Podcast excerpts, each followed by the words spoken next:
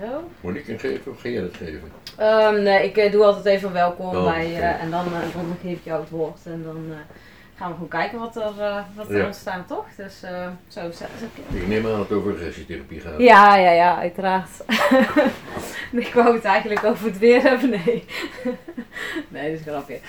Ehm, nou, welkom bij weer een nieuwe podcast. En vandaag ben ik bij, bij Hans ten Dam. Eh, ja, dankjewel dat, eh dat ik mocht, eh, mocht zijn. Ja, en welkom in de, in de uitzending. En Mhm. ja, kan je uitleggen, Hans, ja, wie je bent en wat je doet? En, Het eerste waar ik dan aan denk is, hoe zou mijn vrouw mij introduceren? Maar het is niet wat je wil horen, denk ik. Ehm, ja, ik ben mijn hele leven, werkzame leven, management consultant geweest. En de laatste twintig jaar in toenemende mate regressietherapeut. Mhm. Ehm, en het voornaamste wat ik doe is opleidingen geven. Ja, want ik ken jou ook inderdaad van de opleiding, hè? Van Ja. eh, de SPSO heb jij eh, college Oh ja, gegeven. ja. Ja, toen was ik echt helemaal, dacht, wauw. Klinkt goed, Ja, ik vond jou heel verfrissend. dat hoop ik erin te houden, ja. Ja. maar ja, lekker verder met je verhaal, maar dat is wel wat ik, ja, Ehm regressietherapie is een, is een raar vak. Het is, zover ik weet, de meest effectieve psychotherapie die er bestaat. Het is voor ons niet ongewoon dat we een hardnekkig probleem in één sessie oplossen. Mhm. Dat hangt niet alleen van de therapie af, het hangt ook van de therapeut af, het hangt ook van de cliënt af en de klik daartussen enzovoort. Maar het is in ieder geval niet ongewoon.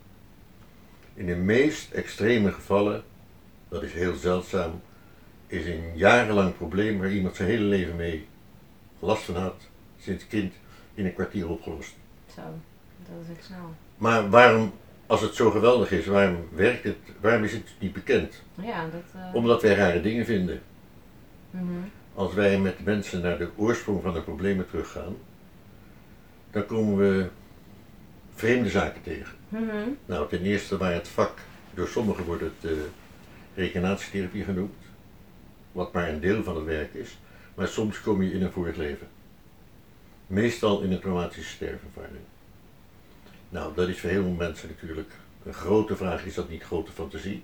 Ja, Eh, en voor sommige mensen is dat geen vraag. Het is absoluut zeker dat het fantasie is. Ik kan alleen maar zeggen, als het fantasie is, dan werkt het wel verdomd goed. ja, ja, precies. Ehm, het tweede wat we tegenkomen is dode mensen. Aanwezigheden van familieleden, soms onbekenden, Die En bijblijven bij iemand. die bij iemand blijven. Mhm. Ehm, daar staan we in ieder geval voor open. Om dezelfde reden, als we dat serieus nemen, werkt de therapie ongelooflijk veel effectiever en efficiënter dan als we dat niet serieus nemen. Ik denk dat wij, ik, ik bedoel met wij even Tasso, Mhm. Het opleidingsinstituut, eh, wat typisch voor ons is, dat we aan de ene kant overal voor openstaan, maar aan de andere kant redelijk kritisch blijven. Mhm. Nou, voor mensen die dit allemaal onzin vinden, die kunnen zich niet voorstellen dat je kritisch blijft. Maar een verhaal moet kloppen. En de cliënt moet werkelijk geholpen zijn. Ja. ja, niet dat je er maar een verhaaltje van maakt om... Dat schiet niet erg op. nee. Nee. Ehm, wat ik er nog bij kan zeggen is, voor wat voor soort problemen kunnen mensen bij ons terecht?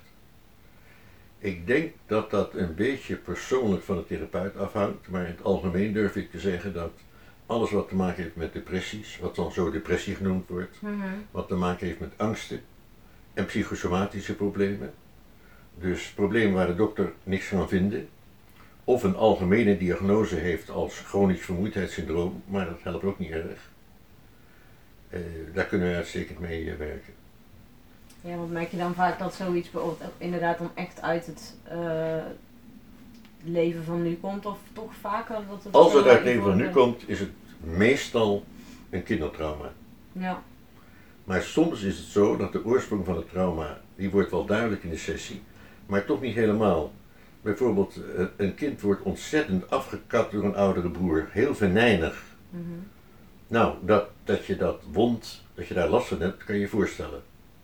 Maar soms is de wond zo groot dat je het niet kan verklaren uit wat daar gebeurt. En dan blijkt dus dat je soms een stap verder terug moet gaan. Overigens is ook een van de dingen die we tegenkomen, zijn ervaringen in de baarmoeder.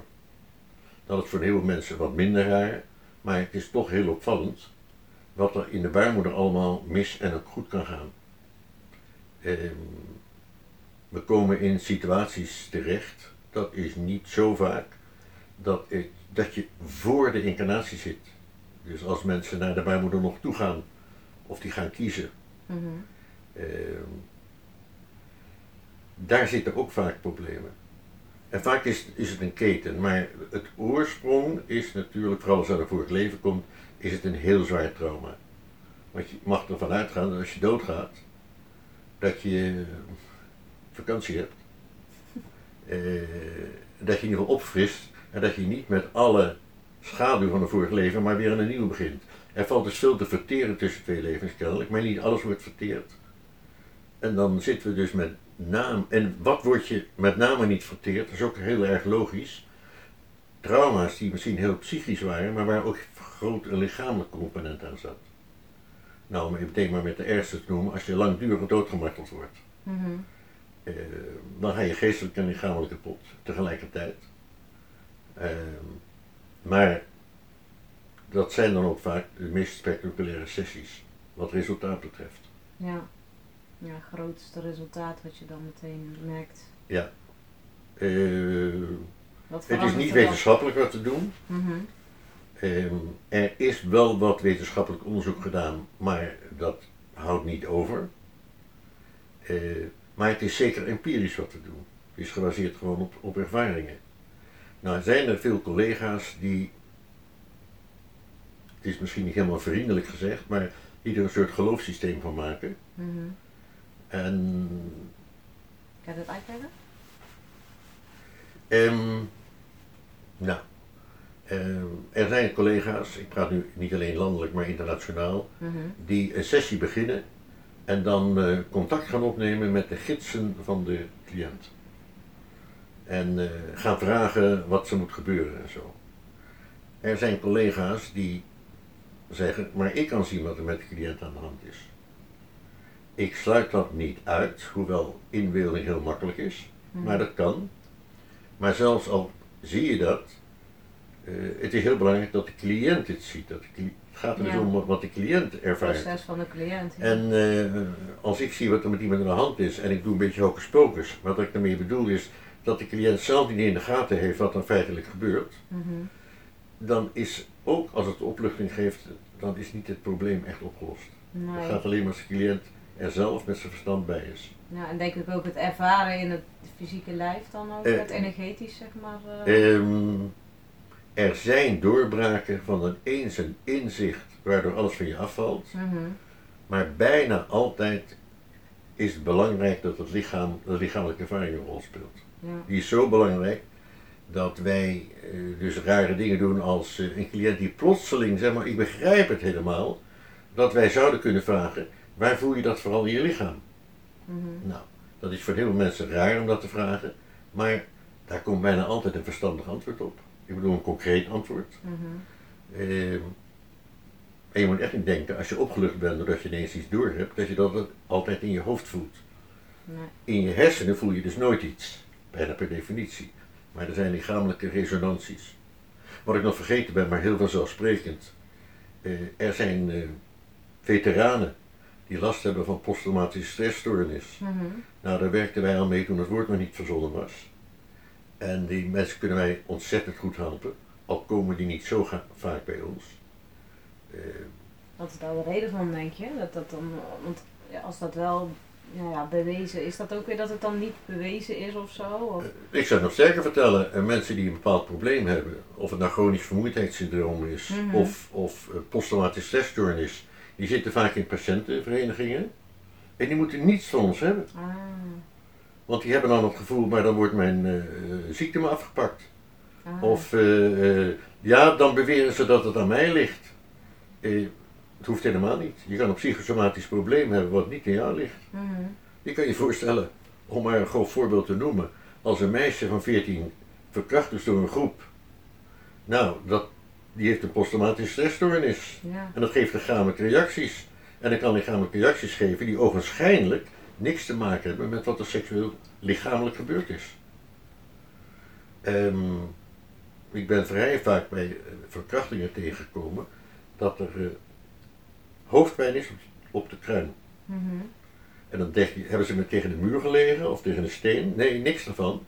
En dat blijkt dus om een psychische reactie te gaan, maar die lichamelijk gevoeld wordt en die ook lichamelijk gelokaliseerd is. Hmm. Die in ieder geval kan verklaren door aan te nemen dat er ook een energetisch of etherisch lichaam is, hoe je dat precies wil noemen. Dat laat ik even in het midden. Mhm. Ja, dat is. eh, Ik kan uren praten, maar Ja, nee. Het- Ja, nee, ik, ik eh, luister er graag naar. Nee, wat, eh, wat, ik, ehm, wat, wat ik zelf ook, eh, want ik ben zelf ook wel met, met cliënten aan het werken, met, met mijn Hm. klanten. En dan kom ik soms ook in vorige levens of in, ja, soms zijn het inderdaad hele gekke dingen. Maar wat je al zegt, ik weet ook nooit van tevoren waar gaan we heen. Want ik ga gewoon mhm, mijn intuïtie volgen en voelen van, ja, weet je, wat, waar, waar gaat die klant zelf naartoe, hè? Wat, wat, eh, en soms kun je ze wel eh, naar Ja. dat moment toe leiden. Naar, Ja. Meestal, ja, want ik weet meestal heb je in de gaten of ze iets vermijden, ja, waar ze langs heen proberen te slippen. ja, waar ze vaag over zijn. Of, Ja. eh, ja. En plotseling is er niks aan de hand. Dan weet je, daar zit dus iets. ja, precies, dat. Of dat ze ineens een stuk kwijt zijn. Dus een heel belangrijk aspect van onze werk is wat ik de detective noem. Mhm. Uiteindelijk wil je al weten hoe zit het in elkaar. En als er iets gebeurt wat je niet begrijpt of, of onwaarschijnlijk vindt, dan moet je wel met je cliënt meegaan, maar dat blijft toch in je achterhoofd iets zitten. Ehm, nou, dan komt die cliënt bij je en ehm, die voelt zich zo geïsoleerd van mensen. Ik geef een heel extreem voorbeeld. Mhm. Ja, ehm, nou, ik krijg nu een indruk waar dat eh, begonnen is. Nou, ik was op een andere planeet en ik waarschuwde dat die planeet zou exploderen. Maar ze luisterden niet naar me. Meestal betekent dat ze in het huidige leven ook het gevoel hebben dat Ja. er niet naar geluisterd wordt. Eh, sluit ik dat helemaal uit? Nee. Vind ik het onwaarschijnlijk? Ja. Maar wat doe je dan? Dan, dan probeer je de cliënt ertoe te krijgen dat ze concreet kunnen vertellen hoe zijn ze dan van die planeet hier gekomen. Het verhaal moet dus kloppen. Mhm.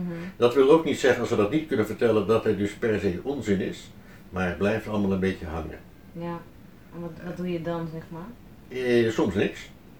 Je gaat die cliënt niet forceren. Ik geef Nee. dus hooguit de suggestie, het lijkt me dat. Of je zou eens misschien in de toekomst kunnen kijken naar. En eventueel kunnen ze daar even terugkomen en laten die eerst maar bezinken. En soms komen ze terug en soms ook niet. Mhm. Nou, dat is dan. En dan blijft er natuurlijk, eh, ja, wat voor effect heeft het gehad? En op termijn, hè? Ja. Het mooie van ons vak is, dat vond ik heel verrassend toen ik dat voor het eerst een onderzoek daarnaar las, maar later heb ik dat bevestigd gezien bij anderen, dat als je dus naar bijvoorbeeld na twee weken vraagt hoe tevreden ze zijn, en je vraagt na drie maanden, je vraagt naar een jaar, dat naarmate de tijd verstrijkt, de antwoorden positiever worden. Ja? En dat verwacht je niet, je verwacht je altijd, het slijt wat af. Ja. Nou, dat vind ik heel interessant. Dus dat, Ja, dat effecten, terug. Ja. dat effecten groter worden naarmate de tijd verstrijkt. Dat gebeurt natuurlijk niet altijd, maar vrij regelmatig. Het is een patroon wat je duidelijk kan herkennen. Eh, in het algemeen, als het een, het komt wel eens voor dat ik denk, nou, dit heeft niet weinig om het lijf gehad. Dat heeft niet echt iets gedaan. En dat je achteraf hoort dat het wel iets gedaan heeft. Maar dat komt niet zo vaak voor. Wat natuurlijk redelijk vaak voorkomt, is dat er een, een soort heel enthousiaste reactie is. Maar is er nog enthousiasme na 14 dagen, na drie maanden? Mhm. Als dat zo is, dan zit het wel goed. Dan is er echt iets gebeurd, Ja. veranderd. Ja. Ja. ja. Dan, eh, En anders is het vaak dan toch denk ik alleen in de mind, of niet? Dan is er niet echt nou ja, iets... eh, eh, dus het meest zekere is, als er in de mind iets gebeurt, dus er is een nieuw inzicht ontstaan, Mhm. de gevoelens zijn anders en de lichamelijke reacties zijn anders. Ja. Je lichaamsgevoel is anders. Ja, dan heb je het op alle vlakken echt eh, Ja. los kunnen maken, zeg maar. Nou, wat natuurlijk ook heel gebruikelijk is in ons werk, dat we in een vreemde verhaal terechtkomen. Dat verhaal eh, zo concreet mogelijk uitwerken, energetisch afwerken, en dat de cliënt zelf toch het een vreemde zaak vindt. En dat er achteraf dus dingen op een plaats vallen die niets met het onderwerp te maken hebben. Mhm. En je zegt, oh, maar dat is nu ook, hé, die pijn heb ik niet meer, of dat is ook opgelost. Ja, wat ik ook nog over kan zeggen, ik kan mij niet herinneren dat een sessie saai was. Mhm. Het is altijd levendig, het is bijna altijd interessant. Het is extra interessant als het over vorige tijden gaat, omdat daar de mentaliteit van mensen heel anders is dan tegenwoordig. Het is heel herkenbaar en toch is het heel anders. Mhm. Mensen maken zich over andere dingen druk. En je krijgt dus een indruk ook over de, de sfeer die in vroegere tijden en in andere culturen hangt. Ja. Eh, mensen die bijvoorbeeld eh, zich in Afrika eh, als zwarte ervaren, en van verschillende kanten, heel verschillende mensen los van elkaar, die dan vertellen hoe ontzettend lekker ze in hun lijf zitten. Ik heb me nog nooit zo thuis gevoeld in een lichaam. Nou, als je dat verschillende keren terugkrijgt, denk je iets interessant. Dus dan vraag je ook naar, Ja. hoe voelt je lijf?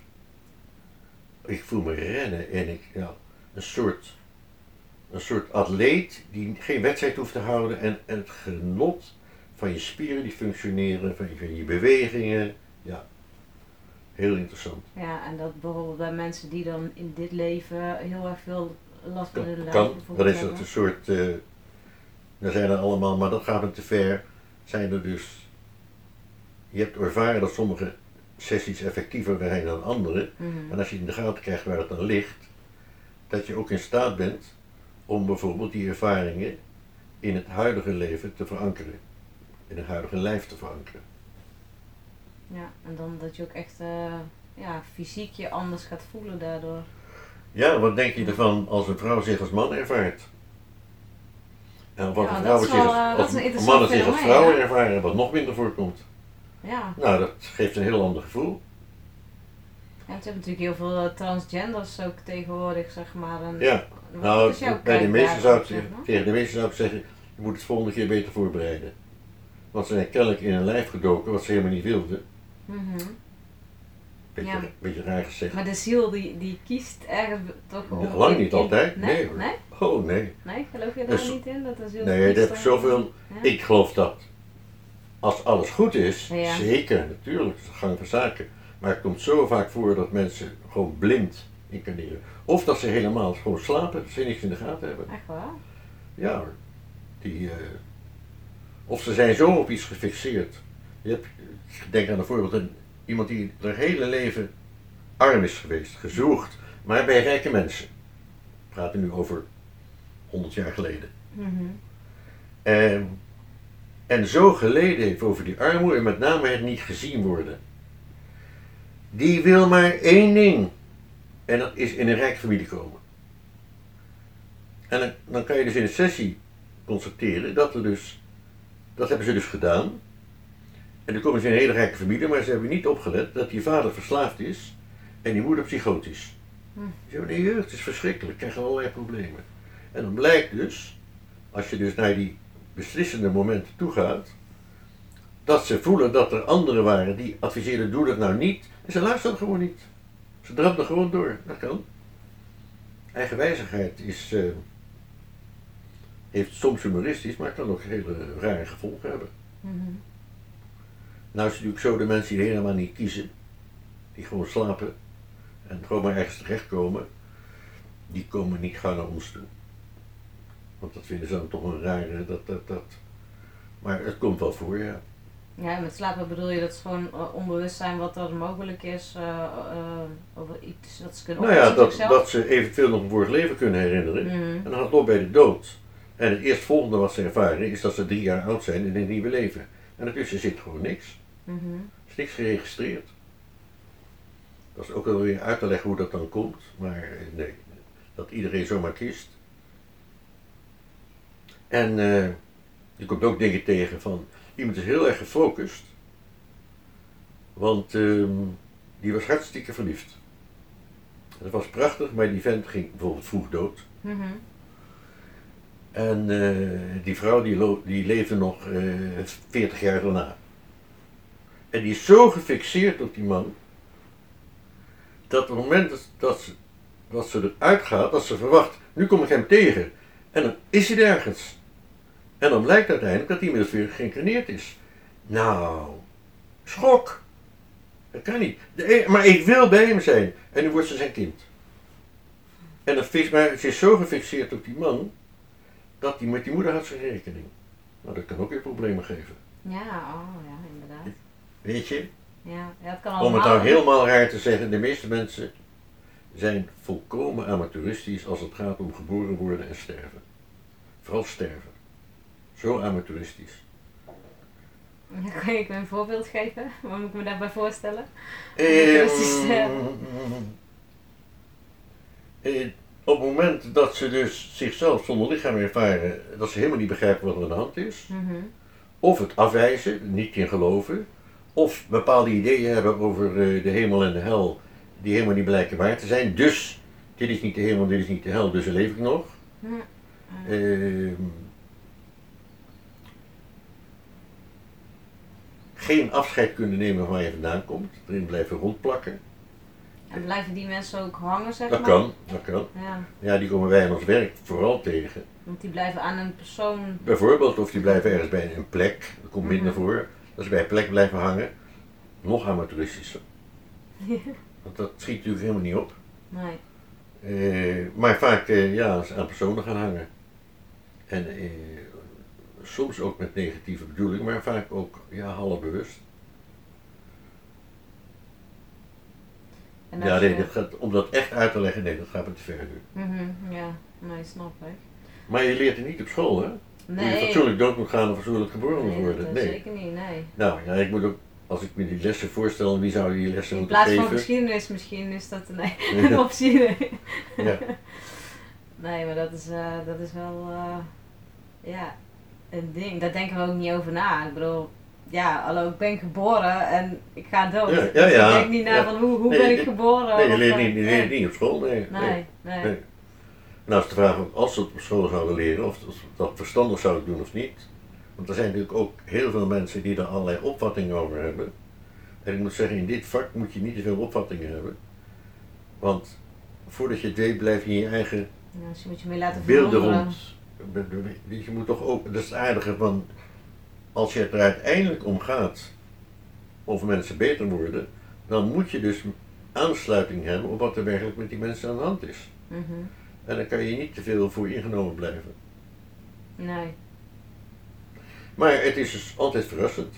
ik denk. Bijvoorbeeld, eh komt niet zo vaak voor, maar het is helemaal niet ongebruikelijk dat mensen in het stenen tijdperk terugkomen. En dat kan ik alleen maar aanbevelen. Ja? Dat is een vakantie. Toen was het natuurlijk geen vakantie, want het was over het algemeen een heel hard leven. Maar het vakantie is, je hebt vakantie van je hoofd. Ze zitten daar niet te denken als ze de God uitkomen van, oh gut, het regent weer. Ik had toch gehoopt dat het, dat betekent niet meer na. Regen is nat, Ja. zon is warm en, en koud is koud en heet is heet en eh, verder niks. Nou ja, hier Dus het is het wel- hoofd. Je pakt, ja, je pakt gewoon de, de feiten zijn zoals ze zijn. Ja. Wat is je laatste gedachte als je doodgaat? Nou, dan komt de kijk in je kop. Oef, dat is de gedachte. Verder niks. Ja. Heerlijke vakantie. We zouden er niet in terug willen, maar het is toch, ja, dat was voor mij, dat vond ik even een leuke ontdekking. Hoe mensen dus in, in dat soort tijden, hoe hun mind werkte Ja. of niet werkte. Maar volkomen gewoon op de feiten en op wat er zintuigelijk gebeurde. ja, wat je echt ziet. Ik, en dat moeten we nu moeten we daar een of andere zentraining voor doen, zodat je gewoon, dit, dit is wat er is. Hè? Ja. En eh, ja, dat was toen heel natuurlijk. ja, we moeten weer helemaal terug naar, eh, naar de basics eigenlijk. Hè? Zo, eh, Ja. We zijn allemaal zo in ons hoofd gaan wonen. En, Nogmaals, als we werkelijk in die situatie zouden zitten met ons moderne verstand, nou dat zouden we niet gauw uithouden. Dat zou ook niet leuk zijn. Maar het heeft zijn verfrissing. Ja. Het zou wel goed zijn om dat eens een, eh, een tijdje of zo, om dat te Ja, ervaren. ja, dat daarom noemen we eh, de vakantie. Ja, Gewoon even terug. ervan uit. Ja. ja. Ja. daar doen we nu tegenwoordig retreats voor en zo. Ja, ja. Dus, eh, Ja, ja. of retreats. Maar eh, ik zou zeggen, een regressie is in ieder geval goedkoper. Ja, dat is, dat is wel zo, ja. Ja, het, is, het geeft ook gewoon een heel groot, ehm, nou, een soort verlossing, weet je. Want Mensen zitten soms hun hele leven met iets. Ja. En dan na een sessie, ja, Dat kan. Dus is kan dat, dat is dat echt opgelost is. Ja. Ja. ja, dat is wel echt bijzonder. Dat zijn meestal dan echt heftige sessies. Maar goed, eh, Ja. En als toen jij, ehm, want jij hebt zeg maar ook ooit een opleiding gehad en toen ben jij gewoon begonnen, hè? want dat vertelde je in het college heel mooi, van nou, ik, ik heb gewoon dingen, ik ben gewoon gaan doen, zeg maar. ik heb nooit een opleiding gehad. Dan heb je nooit ooit, je bent gewoon zo, eh, Eh, ik heb, ehm, ik geloof op dat moment waren er twee of drie boeken uitgekomen. Mhm. Ik had iets gelezen over sessies, maar dat had niks met therapie te maken. Dat waren meer verkenningen Mhm. die via dan hypnotische eh, ontspanningen en dergelijke instructies gingen. Mhm. En ik geloof dat toen het boek van Netterton was net uitgekomen. En ik geloof één ander boek. Eh, maar het is gewoon op Jan Boerenfluitje beginnen en dan ontdekken Ja, dat er anderen waren. Want ik denk dat ik in 82 want toen ben ik net geboren. 22. ben, ben ik eh, een eerste weekend gedaan. Gewoon voor mensen die dat zich wilden herinneren. Ja, En in 1980 of 81 is de eerste vereniging in eh, Californië opgericht. Voor mensen die zich met eh, wat ze noemden past life therapie bezighielden. mhm. Dus ik ben daar vrij snel lid van geworden. En dan je ook uitwisseling enzovoort. Ja ben, je, ben je ook wel eens eh, dingen tegengekomen waar, dat je echt dacht van, oh god, wat- wat- in het begin is natuurlijk alles is nieuw. Mhm. En je komt allemaal situaties tegen. Is er wel eens iets geweest waarvan je dacht, oh, we moeten dit nu gaan oplossen? Of, of had je dan zoiets van, nou, Nou, dan laat je het maar gewoon gaan. Dat is maar hoe je het bekijkt. In zekere zin geldt dat voor de meeste sessies nog steeds. Mhm, Je zit altijd even te puzzelen. mhm. En altijd veel de mogelijkheden. Eh, het is natuurlijk wel zo, hoe meer ervaring je krijgt, des te meer je op je ervaring terugvalt. Mhm. Al was het alleen maar, oh, dit doen we denken aan, en toen werkte dat, dus even kijken of dat hier werkte. Ja, pro- pro- probeer gewoon uit, zeg maar. Of dat. Eh, ja, dat kan. Maar verder, wat wat even je vraag precies? Ehm, nou, wat. eh wat wil ik hem zelf? Ja. Ehm, even denken. Ehm, Dat ik iets kreeg en dat je afvraagt hoe je dat moest doen of zo? ja, wat. eh, ja, inderdaad, eh, dat, je, dat je denkt van, oh, ik loop nu even vast. Of hoe kom ik nou verder eh, bij deze persoon? Nou, dat is een heel gebruikelijke ervaring. Mhm. Alleen die duurt bij mij niet zo lang. Maar dat is, ik hou dat er ook in. Ik vind dat verstandig omdat dat, dat je even toch altijd met opening zit. Even kijken, wat gaan we nu doen? Ja, dat, eh, dat is. Want, stuur jij heel veel of laat je juist meer je cliënt, hoe noem je ze? Cliënt? Ik stuur heel veel, maar heel open. Mhm. Bijvoorbeeld, eh, iemand zegt ja, ik zie iets, maar ik begrijp helemaal niet wat er aan de hand is. Je krijgt nu een indruk van iets wat daaraan vooraf gaat, wat jou duidelijk gaat maken wat er aan de hand is. Dan stuur ik. Ik zeg gewoon, je krijgt nu een indruk. Ja. Maar het is volstrekt open. En krijgen Ik ze, dan, zeg- krijgen ze dan beelden of Ja, krijgen ze dat dan natuurlijk. gevoelens? Of- Soms gevoelens, maar meestal komen er direct. Het hangt er vanaf waar ze zitten in de sessie. Mhm. Maar meestal krijgen ze meteen indrukken. Ja. Ja. En ik kan er zelf ook met, met een zekere verbazing naar kijken dat het gewoon komt. Maar ik werk dus ook niet met die hypnotische inducties, ik vind het allemaal overbodig. Nou, je begint gewoon en. eh, Dus de enige regel is dat je mijn eerste indruk vertelt. Want die is bijna altijd betekenisvol. mhm. Ehm, eh, g- alleen bijvoorbeeld als je zegt, eh, nee, belangrijk is een instructie. Bijvoorbeeld, ehm, ik voel me de laatste tijd ontzettend slecht. Ik ben zelf psychiaters gelopen, ik had antidepressiva, het lukt allemaal niet en ik weet niet hoe en ik weet niet wat. Dan kan ik dus zeggen, sluit je ogen. Ga terug naar een plaats en een tijd waarin je huidige slecht voelen begonnen is. En dan zijn ze bijvoorbeeld vier jaar.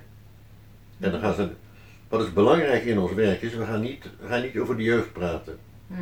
Vaak hebben ze daar al eindeloos over gedacht en gepraat. Ja. We gaan naar een bepaalde morgen, op een bepaalde plek, waar je eh, met die kleren aan stond en die, je moeder keek zo naar je en die buurman zei dat. We gaan naar hele concrete, specifieke situaties. Dat noem ik ook de detective. In godsnaam niet filosoferen, maar naar concrete feiten gaan. Specifiek. ja, want anders kan je helemaal interpretaties krijgen van. Ja. En, eh, ja. En eh, nou, op dat moment er slaat een koude vlam door me heen. Eh, angst, denk ik. Kan je die vlam op dit moment voelen? Waar voel je die? Waar, komt, waar begint die? Is het bijvoorbeeld iets engs wat je van binnenuit ineens naar buiten voelt komen? Of is het iets wat er als het ware op je afkomt? Of iets wat van achter op je afkomt? Allemaal concreet, concreet, specifiek, Mhm. specifiek. En daar vindt altijd de doorbraak plaats. Ja, dus dat is eh, eigenlijk gewoon meteen op. Je gaat meteen eigenlijk naar de kern. Dat Ja. wil niet zeggen dat iedereen altijd naar de kern gaat, want het kan dus zijn dat iemand zichzelf nog niet vertrouwt, of mij nog niet vertrouwt, en Mhm. de, de therapeut niet vertrouwt. En dat je eerst naar iets gaat wat je aan kan op dat moment. En dan kan een vol bepaalde opluchting geven, of een soort, hey, verrekt, daar heb ik nog nooit eerder over gedacht. En vanuit die sfeer kan je dan soms een stap dieper gaan. Ja. Ja, dus dan doe je het een Nou, ik beetje- heb dat voorbeeld gegeven. eh, iemand komt op een jeugdervaring, die is inderdaad traumatisch, maar niet zodanig dat je daar nu als volwassene nog last van mag moet hebben. Mhm. Nou, je krijgt nu een indruk waarom je toen zo gevoelig was voor die blik. En het schiet ze bijvoorbeeld in een vorig leven. Mm. Of ze zien hun dode opa achter hun vader staan. Neem me allemaal serieus. Mhm. Dat serieus nemen betekent dus niet dat ik automatisch aanneem dat de ziel van je opa er echt achter staat. Maar zolang ik geen echte reden heb om het niet aan te nemen, ga ik daarvan uit. Mhm. Dan vraag ik gewoon nog goed, hoe kijkt die opa? Waar kijkt hij naar? Kijkt hij naar je moeder of kijkt hij naar jou? Hij is helemaal ijs. Nou, dan eh, bijvoorbeeld, eh, dan krijg je de meest rare dingen. Van vraag maar eens aan je opa of die weet dat hij gestorven is. Dat maak ik zelf al uit. Nou, dan weet je dus dat iemand dat weigert om. Nou. En als het goed is, dan aan het eind van de sessie, moet niet alleen de cliënt overal vanaf zijn. Althans, wat met dit Mhm. verhaal te maken heeft. veld. Maar die, die moeder moet zich ook anders voelen. En die opa moet ook geholpen zijn. Mhm. Ehm, Ja, dat is eigenlijk wel mooi, want dan heb je inderdaad gewoon. eh, je, je kan er soms twee of drie genezen voor de prijs van één. Ja. Wat dan kan, als die moeder bijvoorbeeld, die zit in een bejaardenhuis, of die voelt zich helemaal niet lekker, eh, of er is een verwijdering, dat na zo'n sessie, voor het eerst in jaren soms, die moeder ineens opbelt. En, gewoon, en dat mensen dus merken dat er reacties alleen uit de buitenwereld komen die bevestigen wat ze gezien of gedaan hebben. mm. Of die moeder eh, die belt op en die zegt: Weet je, ik had zo'n rare droom gisternacht. Ik droomde over mijn vader. Dat ik- Ja, dat soort dingen. Hm. Dat krijgen wij niet bij elke sessie natuurlijk, maar dat is zo gebruikelijk dat het Mhm. voor ons niks bijzonders is. nee. Dat dat soort bevestigingen achteraf komen. Mhm. Wij resoneren op elkaar. Hè? Ja, het, het meest simpele resoneren is we ergeren ons aan elkaar. eh, maar het is niet los. Dus als je één onderdeel van het systeem verandert, dan heeft dat repercussies. Ja. ja, dat merk ik ook in de opstellingen en zo gebeurt dat. Ja, oh, dat is. Als er iets is wat dicht bij ons vak zit, is het opstellingen. Ja. Omdat op, opstellingen, bewust of onbewust, ook met energetische velden werken. Mhm. Ja. Klopt. Ik bedoel, er zijn, er zijn verschillen, maar soms is het zo dat wat regressie kan verdiepen en werkelijk oplossen. Maar het kan ook zo zijn ja. dat soms door een opstelling iets wat in de regressie is blijven hangen, tot een conclusie, tot een complete, completering gevoerd wordt. Mhm. Ja. Ja, dus het kan elkaar ook heel mooi aanvullen, zeg maar. Ja. Wel juist. Nou, dat is ook Ja, ik doe nou vooral organisatieopstellingen, Mhm. maar wat ik dan overdreven gezegd, eh typisch, ik kom altijd dooi tegen. Niet altijd, maar heel vaak dat wat in de organisatie zit, bijvoorbeeld een overleden directeur die geen afscheid van zijn werk wil nemen. Of die nog net doet of die, eh, of die de zaak in de hand heeft. Waardoor het niet zo goed loopt, zeg maar. Maar, ja, waardoor er iets, iets, iets ongrijpbaars in de organisatie komt. Er komt even simpel gezegd, er komt een soort schaduw in die je niet kan. Ja, dat is het Pinpointen. ook letterlijk dan inderdaad. Ja, Ja. Dat is inderdaad eh heb je zonde. dat zijn altijd interessante sessies Ja. met interessante gevolgen. En het meest interessante als je achteraf feedback krijgt van mensen die soms een jaar of wat niet gezien hebben. Je zegt, weet je nog toen en toen, het is er daarna dat en dat gebeurd. Dan denk je, oh ja. Ja, daar kan je dan ook. eh, Het komt natuurlijk ook voor dat dingen wel eens tegenvallen. Dat het dus eh, niet zo mooi gegaan is als je dacht. Ja, dus dat je zelf eigenlijk een verhaal eh, had wat nou ja, wel heel mooi was en dan kom je ineens erachter van, oh, Nee, maar- helemaal anders in elkaar, bedoel Dat, je dat? dat- nee, dat, dat.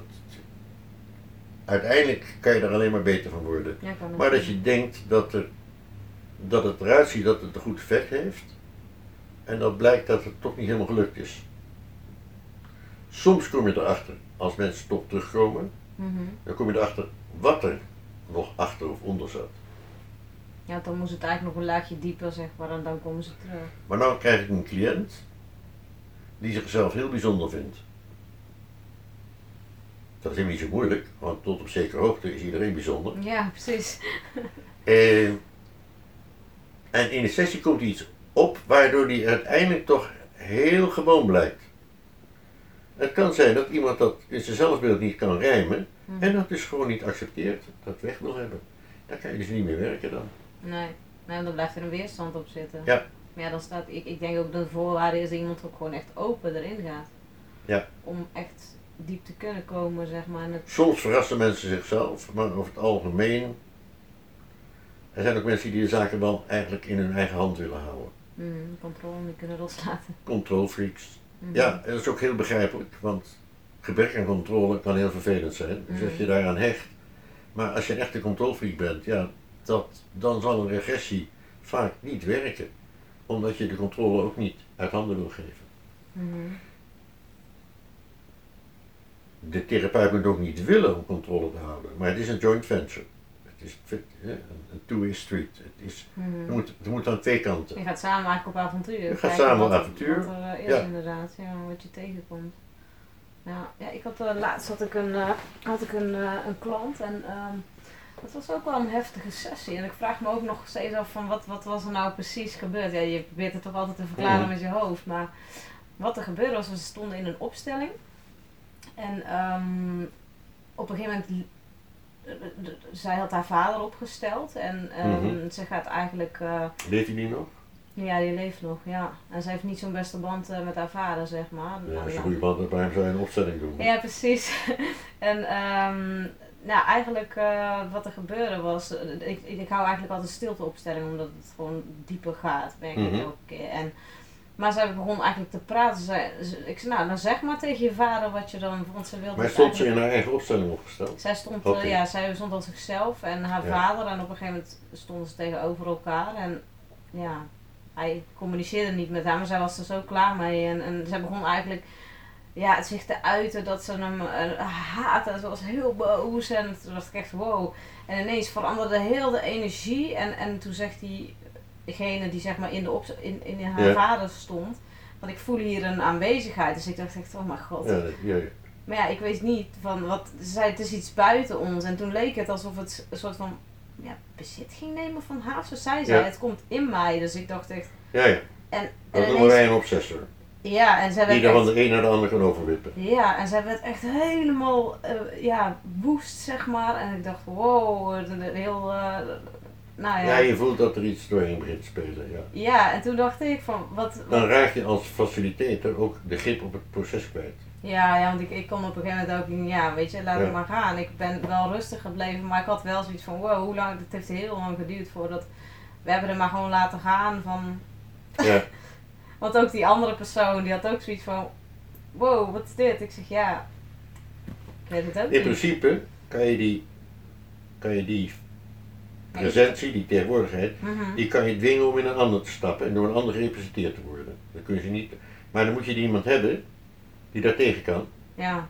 Als het echt denkt dat er iets heel duisters is, Hm, ja, dat was het wel. dan stap ik er zelf in. Maar dan moet iemand anders de rol van facilitator overnemen. Mhm.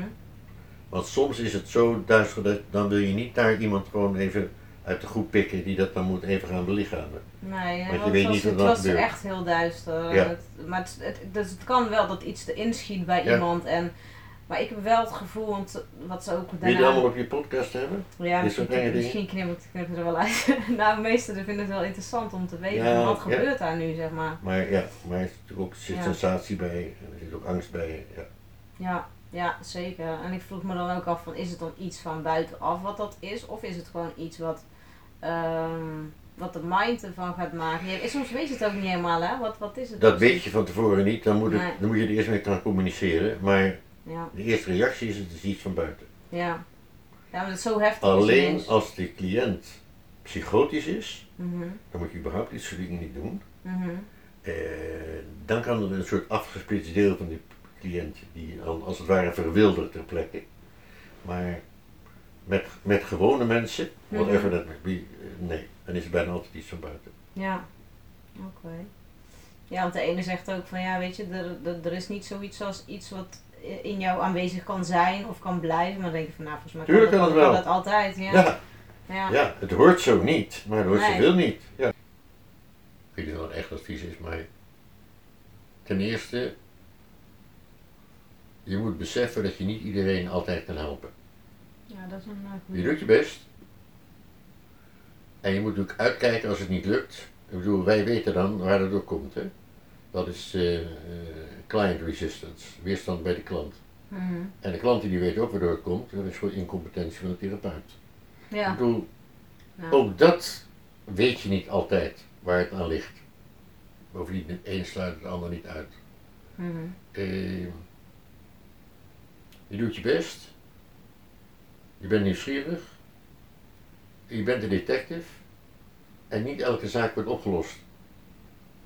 ja, dat is ook wel een goede Je inderdaad. laat geen knollen voor citroenen verkopen. Maar met achterdocht schiet je ook niets op.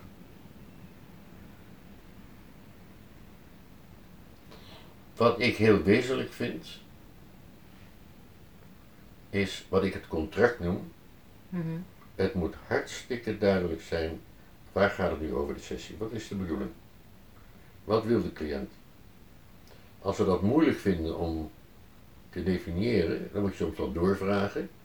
En een van de trucs die ik heel vaak gebruik is, ik zeg neem eens aan dat ik een goede vee ben en je mag drie wensen doen. Over jezelf.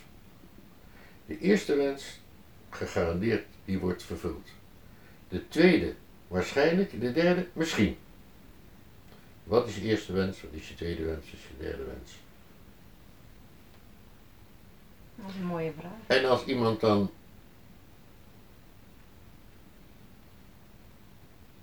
bijvoorbeeld zegt, ja, ik twijfel tussen twee dingen. Dat is als eerste wens. Dan zeg ik, nou, waar heb je het meeste last van? Wat vind je het ergste? Wat zou je het diepste willen? Je begint altijd met het grootste probleem. Of het diepste probleem. Eh, dus iemand is onzeker. En weet niet wat hij wil. Ja, heel het gewoon. Het komt heel veel voor. Tuurlijk. Ja. Ik zou bijna zeggen dat is onderdeel van de, Ja. de, de human condition. Mhm. Maar als je daar echt last van hebt, dan wil ik weten waar heb je nou het meeste last van. Als je, dus je kan hier weggaan, je bent niet meer onzeker. Of je kan hier, en, en dan weet je misschien nog steeds niet wat je wil, maar die onzekerheid is weg. Mhm. Of je hebt misschien wel onzekerheid, maar je weet wel wat je wil. Dan kan iemand zeggen, nee, het eerste, dat, dan gaan we daar beginnen. Ja, dus je maakt heel duidelijk van oké, hier gaan we beginnen. Hier dat gaan is we- belangrijk. En als de sessie een beetje ja, alle kanten op recht gaan, of ze zijn nu plotseling met een jeugdervaring binnen, eh, bezig, en het is voor jou niet duidelijk wat heeft het nou te maken met die onzekerheid, dan vraag je dat. Dingen die met elkaar te maken kunnen hebben, onzekerheid of niet weten wat je wil. Ehm, we weten helemaal niet of het met elkaar te maken heeft. Het zou heel goed kunnen, het zou twee heel verschillende dingen kunnen zijn, maar je begint met hetgene wat het zwaarste weegt Oh ja, dat was het. wat het, wat het meeste lading heeft, in ons jargon gesproken. Ehm, Want dat is hetgeen wat gezien wil worden, zeg maar. Of Ja. gehoord wil worden. En wat ook meestal het meest eh, belemmert, zeg maar, bij iemand. soms is het zo, dan ga je de sessie in en dan komt er ineens iets anders op, waar aan de reactie van de cliënt te merken wat veel zwaarder weegt. Ehm, schaamte, Mhm. verzin maar wat. Dan vraag je de cliënt, gaan we het nu verder over schaamte hebben? Is dat wat eronder ligt? Of gaan we, blijven het bij, we weten, weet, eh, ik wil weten wat ik wil? En dan heeft de cliënt de keus. En soms is het zo dat je denkt, maar volgens mij is die schaamte, dat is veel dieper. Maar als de cliënt dat niet zo zegt, dan, dan ga ik er niet op in. Dan ga ik Nee. gewoon door waar de cliënt mee is. Kijk, als de cliënt zegt, ik weet het niet precies, of ik aarzel, Mhm. dan zeg ik nou, ik kan me voorstellen, zoals ik dat jouw reactie zie, dat schaamte dieper ligt. Maar kan het ook uit angst zijn dat ze er niet naartoe willen of zo? Ja, dan, maar dan respecteer je dat ook gewoon en dan ga je verder. eh, Ja, nou ja, als, als ze dat uitspreken, ja. Dan zeg ik meestal eh, op een hele ontspannen manier, dan moet je dus daar zijn. Ja, ja, precies. Maar ik maak de opening, ik ga niet verder de opening maken. Nee. Ik ga niet voor een oplossen. Nee. Het komt, nou vaak is niet waar, maar het komt toch echt wel voor dat mensen, dat het voor jou heel duidelijk is, dat die kern die ligt daar ergens, Mhm. en dat ze daar niet heen willen. Nou, daar kan je een keer een suggestie van doen, maar dat, het helpt niet om daarop vast te zetten. Dan ga je er langs. Ja. Ja, de neiging is dan hè, als eh, therapeut of coach zijn om daar juist wat je wil naar de kern. Ja, om dus- iemand beter te kunnen helpen. Maar als Ja. iemand er niet klaar voor is, want dan is het vaak wel misschien helemaal niet. Wat, wat ik zelf heel erg merk is dat ik soms, eh, dan zie ik het proces, maar dan denk ik van ja, nee, maar het is niet mijn proces. Je moet het wel bij diegene Ja, ja. laten, inderdaad. Ja, ja. En soms wil je iets zo graag dat dat sneller gaat voor diegene, maar ja, Ja. misschien is diegene helemaal niet aan toe. En Ja. Ik denk toch wel dat, eh, ja, daar moet je wel gewoon echt op aansluiten. Als eh, de grote, de neurotische rol waar je heel makkelijk in ons vak inkomt, is de rol van de helper. Ik wil mensen helpen. Ja, dat En dit geeft dan een geweldig gevoel als je mensen geholpen hebt. mhm. En dan komt er nog als man de ridder op het witte paard gevoel bij. Vooral als je een vrouw hebt verlost van een groot probleem, dan geeft je een geweldige, Ja. Ja, prettig gevoel. mhm. Eh, maar dat is, daar hoef je niet voor te schamen, maar daar moet je niet van uitgaan. Dat, Nee. dat moet niet de drager zijn van, van het proces waar het om gaat. Nee. En de, de verleiding, wat heel in ons vak is, ik noem het de priesterverleiding. Van eh, ja, we zijn er heel dieper bezig, kunnen ze alleen met mij doen. Ik kan ze eh, uitleggen hoe het in elkaar zit, wat erachter zit. Hè. Mhm. Ik kan het hebben over bijvoorbeeld waar we het net over hadden van eh, ja, eh, niet iedereen kennelijk bereidt zijn eigen leven voor. Nou, daar kan ik veel over vertellen. En voordat je het weet, kom je dan in een soort ja, knowledge positie. Eh, en daar, daar ga je helemaal op uitglijden. Dus op, tot op zekere hoogte mo- moet het je niks kunnen schelen wat mensen van je vinden Mhm. en of het goed gaat of niet. Ja. Zeg tot op zekere hoogte, want je wil natuurlijk dat het goed gaat en Ja. je geeft de voorkeur aan als mensen iets, iets prettigs van je vinden, Ja. logisch. ja, natuurlijk. Tenzij je masochist bent, dan moet je ook in dit vak niet beginnen. Nee. Maar voordat je het weet kom je in een bijzondere eh, situatie, dat je jezelf bijzonder bent. En dat doet me overigens denken, nu weet ik weer wat ik zeggen wilde, een voorbeeld geven over weten en niet weten. De eerste keer dat ik doseerde in India, dat was het voorbeeld dat ik wilde geven. Komt de tweede dag komt er een Indiaanse dame naar me toe en die zegt, ze- kijkt me heel dringend aan en zegt, you are a very strange teacher. dus mijn reactie was, I'm not sure if this is a compliment. Why? Nou, ze zegt, eh, since yesterday you have said four or five times, I don't know. English, eh, Indian teachers never say I don't know. Waarop ik zei, then I take it as a compliment. Dat, dat, Ja, dat is als je weet, echt- weet je het niet. Nee, precies. En Ja. dat is zo zo heel simpel. Als je dus dan net doen alsof je het weet, Dat is dan ga je op eigen lopen. Ja, tuurlijk. Dan ga je, eh, eh, een beetje vullig. Kijk, ja. Ja, dan, krijg je, dan wordt het zo slijmerig. ja, dan wordt het eh, een beetje glibberig, ja, een beetje vervelend. Ja. Ja. Ja, dus eigenlijk, eigenlijk is het heel, ik vind dat altijd heel sterk als iemand zegt, hé, ik, ik weet het ook niet, we gaan er samen naar kijken, weet je wel? Ja. Ja, ik zeg, eh, heeft, heeft u dit probleem vaker tegengekomen? Ja, vrij vaak zelfs. Maar dat wil niet zeggen dat u weet wat er nu uitkomt. Soms is dat ook nog een verrassing. Ja. Vaak is het dat je denkt, oh ja, maar soms is het, hè, dit, ja, ja, oké. eh. ja dat Nogmaals, heel essentieel, de rol van de detective. Ja. Kijken naar de feiten, precies, nauwkeurig, klopt dit, hoe zit het? En je ziet hoe de klant erbij zit als hij iets zegt. Je hoort wat er met zijn stem gebeurt. Daar heb je al zoveel signalen van of ik de goede weg ben of niet. Hè? ja, zeker. En het kan ook zijn dat je plotseling een, een flash krijgt. Dat je denkt, oh, maar dat zou zo kunnen zitten. Prima. Maar je brengt dat als een soort vraag naar de klant. En niet als eh, suggestie.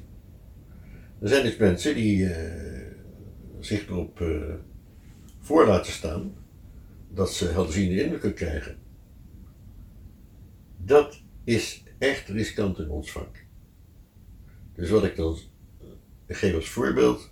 Stel nou, de cliënt heeft een ervaring als, in een vorig leven als klein jongetje in een bos. Mhm. En, en hij voelt zich helemaal eh, een beetje onrustig, een beetje bang. Maar de klant weet verder niet wat, er gebeurt verder niks en weet ook niet. En jij ziet met jouw statie dat er vlak achter hem een panter zit in een tak en die op het punt staat om naar beneden te springen en zijn nek. eh, dan moet je dus nooit zeggen: eh, er springt een panter op je nek. Ik bedoel, als iemand dat één keer gedaan heeft, krijgt hij een waarschuwing. Als iemand dat twee keer gedaan heeft in de opleiding, die gaat van de opleiding af. Die willen we niet hebben. Maar wat je kan zeggen is, kijk eens, want je zit achter je, kijk eens helemaal om je heen. Of, of, of je iets ziet. iets ziet, ja precies. En dan, en dan, oh, dit of dat, en dan komt het verder. Of ze zien niks, nou dan ja, houdt het op. moet het zelf En dan weet je nog niet of jij gelijk hebt of niet, Ja, maar dan houdt het op. ja, Dus ja, als je impressies hebt, kan je heel goed gebruik van maken. Maar het moeten open suggesties blijven tegenover de klant en niet dit of dat of zus of zo. ja, want dan leid je ze gewoon te veel o- o- of verschrikkelijk helemaal wezenloos. Terwijl als ze zelf gaan kijken, dan komt het toch. En vaak word je bevestigd en vaak komt er iets anders. En daardoor blijft het altijd weer verrassend. Ja. Ja, inderdaad. Ja. ja, want er zijn heel veel, dat zie ik ook heel veel omheen gebeuren bij mediums of wat dan ook. Sommige Ja. dingen interpreteren, dan denk ik, ja, maar, maar je maakt daar mensen die blijven altijd met dat soort zinnetjes in hun hoofd Oh, hangen. ja, ja. oh, maar dat medium zei, of de Toen ik astroloog begon met zei. dit of- werk, heb ik kreeg ik mensen die kwamen bij me, want die waren bang. Waarom? Ze hadden een gat in hun aura. Dat had dan een, een of andere medium had dat gezien. Mhm. En die heeft dat dan verklaard, dat komt omdat je zwarte magie in je vorig leven hebt gedaan. Ja, dan waren ze dus onthand en dan, ja, wat moesten ze daar nou mee? Mhm. Nou, ik wil niet zeggen dat je dat soort helderzienden moet opknopen, zover gaat het niet. Nee, maar het is Maar wel in schadelijk. godsnaam, eh, eh, hou met die ongein op. Ja. Ja, het is het eerste gat in je aura is een manier van zeggen die angstaanjagend is. Mhm. Alsof er van alles nog wat binnen kan komen. ja, precies. En dan de uitleg van zwarte magie in een vorig leven. Dat kan een reden zijn. Kan ik me voorstellen wat ze ermee bedoelen. Mhm. Ja, Mhm. maar er kunnen hele andere redenen zijn. Ja, precies. Misschien is de zwarte magie op jou toegepast. Was je slachtoffer? Nou, dat is heel wat anders. Ja. Eh schade Ja. kan, ver, en gaat er ook heel deel. Dat betekent dat je iets van jezelf kwijt bent. Ja. Dus wat je dan doet, is ga naar een plaats en de tijd. Dus het gat in je aura, ja, waar zit het dan? Voel je dat zelf? Als ze dat zelf niet voelen, dan kan je er weinig mee beginnen. Mhm. Maar ja, het zit ter hoogte van mijn linker schouder. Het is, het is soort eng gevoel alsof er iets mist. Nou, oké, sluit je ogen, ga terug naar een plaats in de tijd die je verklaart wat daar bij je linker schouder gebeurd is. Opener kan niet, maar het is wel gericht. Mhm. En als je dat met een stem zegt van, eh, natuurlijk zie je wat. En mijn ervaring is, ja natuurlijk zie je zo wat. Ja. In 99 van 100 gevallen. Zeker als je het gefocust hebt en je weet dat het over iets gaat wat belangrijk is. Dan komt er wat en dan. eh, maar dat betekent dus ook dat je wendbaar moet zijn. Mhm. En ja, het kan die kant op gaan, het kan die kant op gaan. Ja, dat is zeker. Dat is belangrijk. Dus dan, eh, ja, vaak doen, we heel snel aannames en interpretaties. Want dat is helemaal niet belangrijk wat je er zelf eigenlijk van vindt of voelt. Het gaat, Ja. het gaat je om de ander. Nogmaals, vandaar is de detective mijn rolvoorbeeld, dit soort dingen. Ja. Want als detective kan je natuurlijk ook op een gegeven moment, nou, je bent er vrij zeker van, zo zit het, maar de feiten zijn nog niet helemaal rond. Mhm. Je blijft altijd, Op zoek. en dat is natuurlijk van een, van een detective verhaal, dat is natuurlijk ook typerend. Je wordt dus een beetje op het verkeerde been gezet. Je wordt dus allemaal, maar je kan wel aanwijzingen hebben en dat kan wel lijken, maar het kan weer net iets anders zitten. Mhm. Ja, dus word je verrast. Ja. Ja. En hoe, jij, bent, jij bent natuurlijk ook een ondernemer, hè? want het, het gaat ook om, over ondernemen een stuk. Hè? Hoe, hoe, ben jij, eh, hoe ben jij zo succesvol geworden? Want je bent heel succesvol met je, met je instituut, zeg maar. En over de hele wereld geef je les. En, Ja, maar dat wil niet zeggen dat alles wat ik doe succesvol is. Nee. In Nederland gaat het veel lastiger dan in het buitenland. Ja, is dat zo? Ja. Ehm, er zijn in ieder geval twee factoren die daaraan bijgedragen hebben. Het schrijven van boeken. Mhm. Veel mensen komen door de boeken. Ehm, ik heb er ook veel in geïnvesteerd. Kijk, dat is een deel van mijn bibliotheek over reïncarnatie. Zo. En er zitten aardig wat antiquarische boeken bij. Mhm. Ik heb daar ontzettend veel tijd aan besteed om dat te verzamelen. Dat betekent dat je tijd moet steden, dat betekent dat je moet reizen, dat betekent geld. Mhm. Dus ik heb er veel geld in zitten. Ja, Ik heb als adviseur goed verdiend, maar ik heb ook veel geïnvesteerd. tijd genomen om te studeren en te schrijven. Mhm. Ehm, en het tweede is, mede door het internationale werk, ik heb het internationale netwerk opgezet. De wereldcongressen, die zijn we in 2003 begonnen. Mhm. En in 2006 hebben we de Europese vereniging opgericht, wat nu wereldwijd is. En dat geeft natuurlijk ook contact en bekendheid. Ja. Eh, en dat vergemakkelijkt ook. eh, ik bedoel, hoe is het in India zo gekomen? Eh, het Tweede Wereldcongres was in India. Daar kan ik veel over zeggen trouwens, maar het doet er niet zoveel toe. Maar voorafgaand aan het congres heb ik een tweedaagse gegeven. Een van de mensen die daarbij zat, heeft mij, hoeveel jaren daarna, misschien acht jaar daarna, eh, had interesse om de opleiding hier te volgen, Engelstalige opleiding. Want Is het Engelstalig en Nederlandstalig? Ja, er is ook een Engelstalige. En Mhm. de, de opleiding, de normale drie jaar is Nederlands. En er is een Engelstalige, dat zijn zes blokken van vijf dagen, Mhm. met zo'n anderhalf, twee maanden ertussen. Ehm, die is in verhouding iets korter. Maar ja, die moet je je voorstellen, de mensen moeten het vliegtuig pakken. Ze moeten in een hotel gaan zitten. Het is allemaal natuurlijk veel en veel kostbaarder. Ja. Dus je moet met grotere blokken werken. En langer dan vijf dagen met dit vak bezig zijn, dan word je een beetje raar. Dat kan niet. Dus het is een iets gecondenseerde opleiding. Maar goed, die hebben dan die opleiding gedaan, een tweede keer gedaan. En zijn toen zichzelf begonnen. Onder onze licentie. Maar ik heb dat gedaan omdat er destijds de enige internationale vereniging was in de Verenigde Staten. En er was vijf, en op één moment bijna 10% van de mensen uit van buiten de Verenigde Staten. Maar die ging geleidelijk aan ter ziele. En dat was al duidelijk. Eh, en therapeuten zijn net eh, kunstenaars. Eh, collega's, daar heb je altijd, zijn altijd commentaar op. Hè? De ene kunstenaar over de andere, de ene schrijver over de andere. En, dat, een beetje is dat ook met therapeuten. Hè? Want iedereen is toch eigenlijk zelf al de beste. Mhm. En dat komt ermee, je bent zelf je voornaamste instrument. Je werkt met jezelf. Net als een kunstenaar, ja, die penselen en die, die kwasten, die doen er niet zo gek veel toe. Mhm.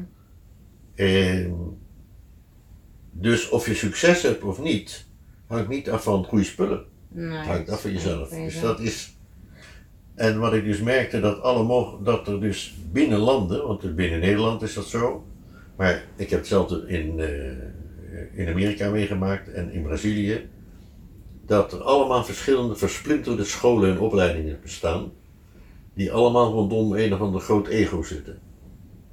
En dat het bijna onmogelijk is om iets gemeenschappelijks op te zetten. Mhm. En dan blijkt, dat had ik wel verwacht, maar daartoe verdedig ik het ook. Als je dat internationaal doet, gaat dat makkelijker. Als Nederlandse therapeut ben je in zekere zin concurrent van andere Nederlandse therapeuten. Ook wat bekendheid betreft, of eh, succes enzovoort. Maar een Nederlandse therapeut die iemand uit Zuid-Afrika tegenkomt, dat zijn geen concurrenten direct. Het is meer nieuwsgierig. Je bent gewoon, god, hoe doe jij? Dus wat in nationaal niet lukt, lukt wel internationaal. Collegiale uitwisseling. Mhm. Maar dat, daar heb ik natuurlijk heel veel in geïnvesteerd. Ja. Eh, en dat doe ik niet om zelf aan de bak te komen, dan- want daar is het ook een beetje te, te onvoordelig voor, zou ik zeggen. Maar het heeft er zeker mee geholpen.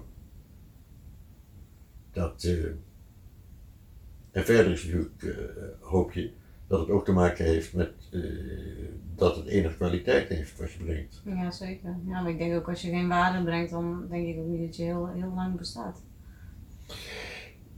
Nou, dat vind ik heel naïef. Ja, Er zijn mensen die uiterst dat je- succesvol zijn en enorme toestanden opzetten. Mhm. En die in feite, nou, een beetje halve durven lucht verkopen. op staat. Ja. Die zijn commercieel gewoon heel erg goed. Ja, dat is waar. Ja, Als de marketing goed is, dan eh, kom je vaak ook al wel een heel eind. Als er iets is waar wij slecht in zijn, is het marketing. ja dat is Maar waar. goed, wij moeten zo'n productontwikkeling hebben.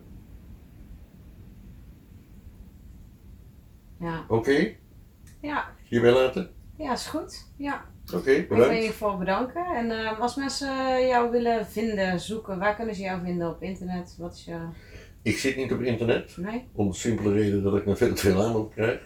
Eh, maar voor opleiding kan je Tasso eh, bereiken. Tasso, gewoon eh, is- Tasso.nl. tasso.nl. Ja. En eh, via Tasso komen ook wel eens eh, mensen bij mij, maar dat, eh, het is dus mogelijk om mij te vinden, maar niet, Ja. niet zo makkelijk. Nee, precies. Oké. Nou, dan eh, zou ik zeggen bedankt eh, in ieder geval Hans dat je in de uitzending wilde zijn. Ja, En, eh, ik merk nu dat ik helemaal in het hoekje heb gezeten, maar goed, dat is niet. Net was die wel volgens mij iets meer zo. Oké, in ieder geval weer bedankt voor het kijken en luisteren. En vond je deze podcast interessant? like hem eventjes. Deel hem ook met je collega's of mensen die, die dit interessant zouden kunnen vinden. En ehm, je kan hem natuurlijk vinden op eh, Spotify, iTunes en Soundcloud onder HSP Live en Biz. En eh, bedankt voor het kijken weer en luisteren. En tot de volgende keer. Doeg! oké. Nou, dat is marketing.